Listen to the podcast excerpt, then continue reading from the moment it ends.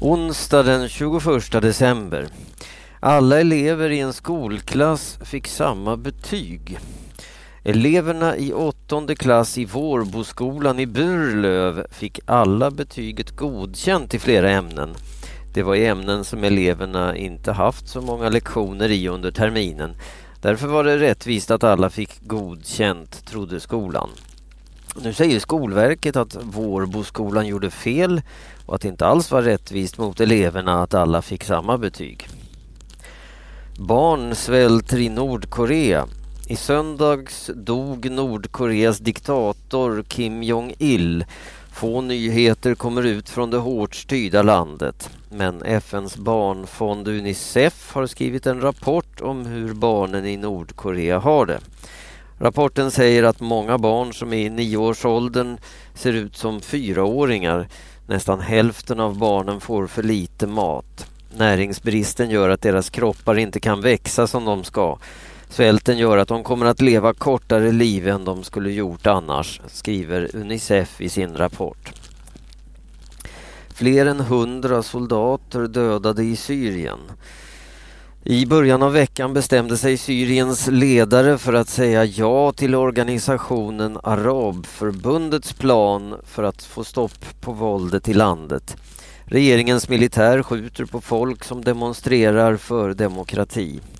Arabförbundet vill att våldet i Syrien ska sluta och att Syrien ska låta utländska kontrollanter få komma in i landet. Samtidigt fruktar många att våldet i Syrien ska växa och bli ett inbördeskrig. Många syriska soldater som inte vill skjuta på sitt eget folk flyr från militären.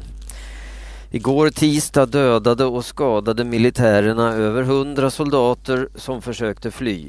Dagen före dödades 70 soldater som höll på att fly från militären. Flink blir fri 2014. Det var sommaren 1994 som Mattias Flink sköt ihjäl sju människor och skadade tre i Falun.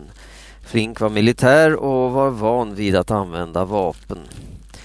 Mattias Flink dömdes till livstidsfängelse. Nu har Högsta domstolen bestämt att straffet ska vara 30 år. Men i verkligheten blir straffet kortare. Mattias Flink har redan suttit i fängelse i 17 år. Sommaren 2014 är det troligt att han släpps fri.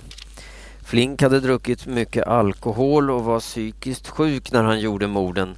Men eftersom han inte räknades som allvarligt psykiskt sjuk så dömdes han till fängelse istället till vård. Eh, så dömdes han till stäng fängelse istället för vård. Habbo är landets tryggaste kommun. Bor du i Habbo kommun i Västergötland så kan du känna dig trygg. Det händer färre olyckor, bränder, våldsbrott, inbrott och stölder i Habbo jämfört med alla andra kommuner i Sverige. Det visar en undersökning som SKL, Sveriges kommuner och landsting, har gjort tillsammans med Myndigheten för samhällsskydd och beredskap.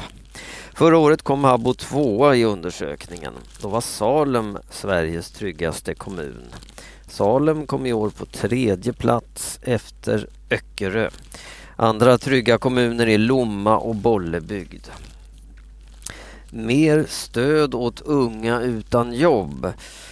Regeringen planerar att ge mer stöd åt ungdomar som riskerar att vara utan jobb länge. Bland annat ska Arbetsförmedlingen ordna praktikplatser åt ungdomarna. Det skriver arbetsmarknadsminister Hillevi Engström på Svenska Dagbladets debattsida. Svenskarna i Etiopien dömda för terrorbrott. I somras tog sig journalisterna Martin Schibbye och Johan Persson in i området Ogaden i landet Egypten, Etiopien. De greps av etiopiska militärer. Det är förbjudet för journalister att vara i Ogaden. I Ogaden finns gruppen ONLF som krigar mot Etiopiens regering. Etiopiens regering säger att eh, ONLF är en terrorgrupp. Schibbye och Persson eh, var med i gruppen när de greps av militärerna. Schibbye och Persson säger att de var i Ogaden för att skriva om oljeföretaget Lundin Personer från ONLF hjälpte dem med att hitta runt i området, förklarade de svenska journalisterna i rättegången. Men domaren tror inte på svenskarna. De döms för terrorbrott och för att ha tagit sig in i landet olagligt. Den 27 december ska domstolen berätta vad svenskarna ska få för straff.